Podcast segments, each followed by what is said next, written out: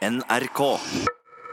Vi går til fastlegen med en plage, og så får vi medisiner, og så blir vi litt bedre. En helt klassisk situasjon, og svært ofte sånn det foregår. Men det kan bli for mye piller og medisiner, og spesielt gjelder dette eldre. Mange gamle på norske sykehjemmer får mye mer medisin enn de trenger. Og hvorfor skjer dette, Morten Munkvik? Det er fordi man tradisjonelt sett er bedre på å starte opp med behandling Enn å avslutte. Enn å avslutte det, ja. Helt riktig. Og Derfor er det òg mest eldre, fordi at de har hatt et litt lengre liv å samle opp forskjellige kurer på, og blir sittende Og med får de. flere og flere diagnoser. Ja, får flere og flere diagnoser og mer og mer behandling. Og det som man noen ganger glemmer, det er at en diagnose er ikke betyr ikke nødvendigvis at du skal ha kur for den diagnosen. Det kan være at du rett og slett ikke trenger medisin.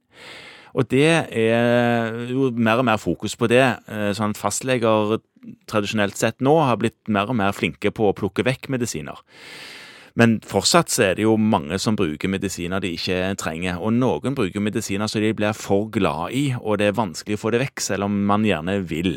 Sånne vanedannende medisiner og Smertestillende. Noen sterke smertestillende, noen eh, akutt angstdempende medisiner som egentlig ikke skal brukes som angstmedisin over tid. Sovemedisiner, den typen ting, som det jo er et problem å få vekk. Og det burde man absolutt ta på alvor og få bort, fordi hvis man ikke er så gammel, så kan du få problemer med rett og slett å få lov til å kjøre bil hvis du bruker for mye av dette her. Så du forteller at det er mange voksne òg som går på for mye medisiner?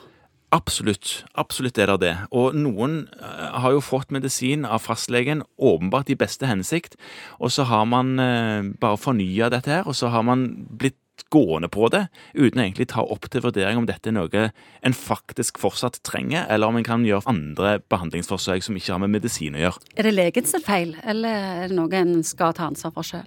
Det er legen som skriver ut disse medisinene, eh, og pasienten, eller brukeren av medisinene, er jo nødt til å stille spørsmål om å få ny resept en gang i året på medisiner.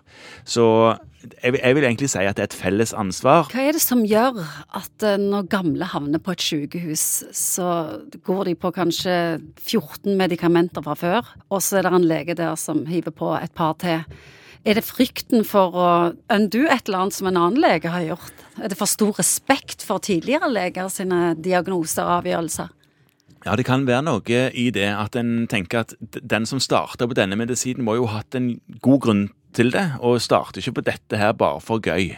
Men samtidig er det jo sånn, som har sagt nå allerede, at eh, man bruker veldig ofte medisiner man egentlig ikke trenger lenger.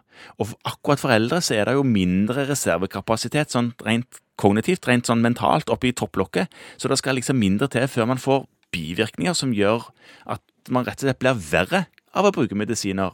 Og noen ganger så er det jo sånn at hvis man tar vekk medisiner, så kvikner pasienten til. Og da kan man jo ta vekk alt, og så begynne å reintrodusere det man ser man har behov for etter hvert. Skjer det en endring nå i våre dager om dette med bruk av medisiner?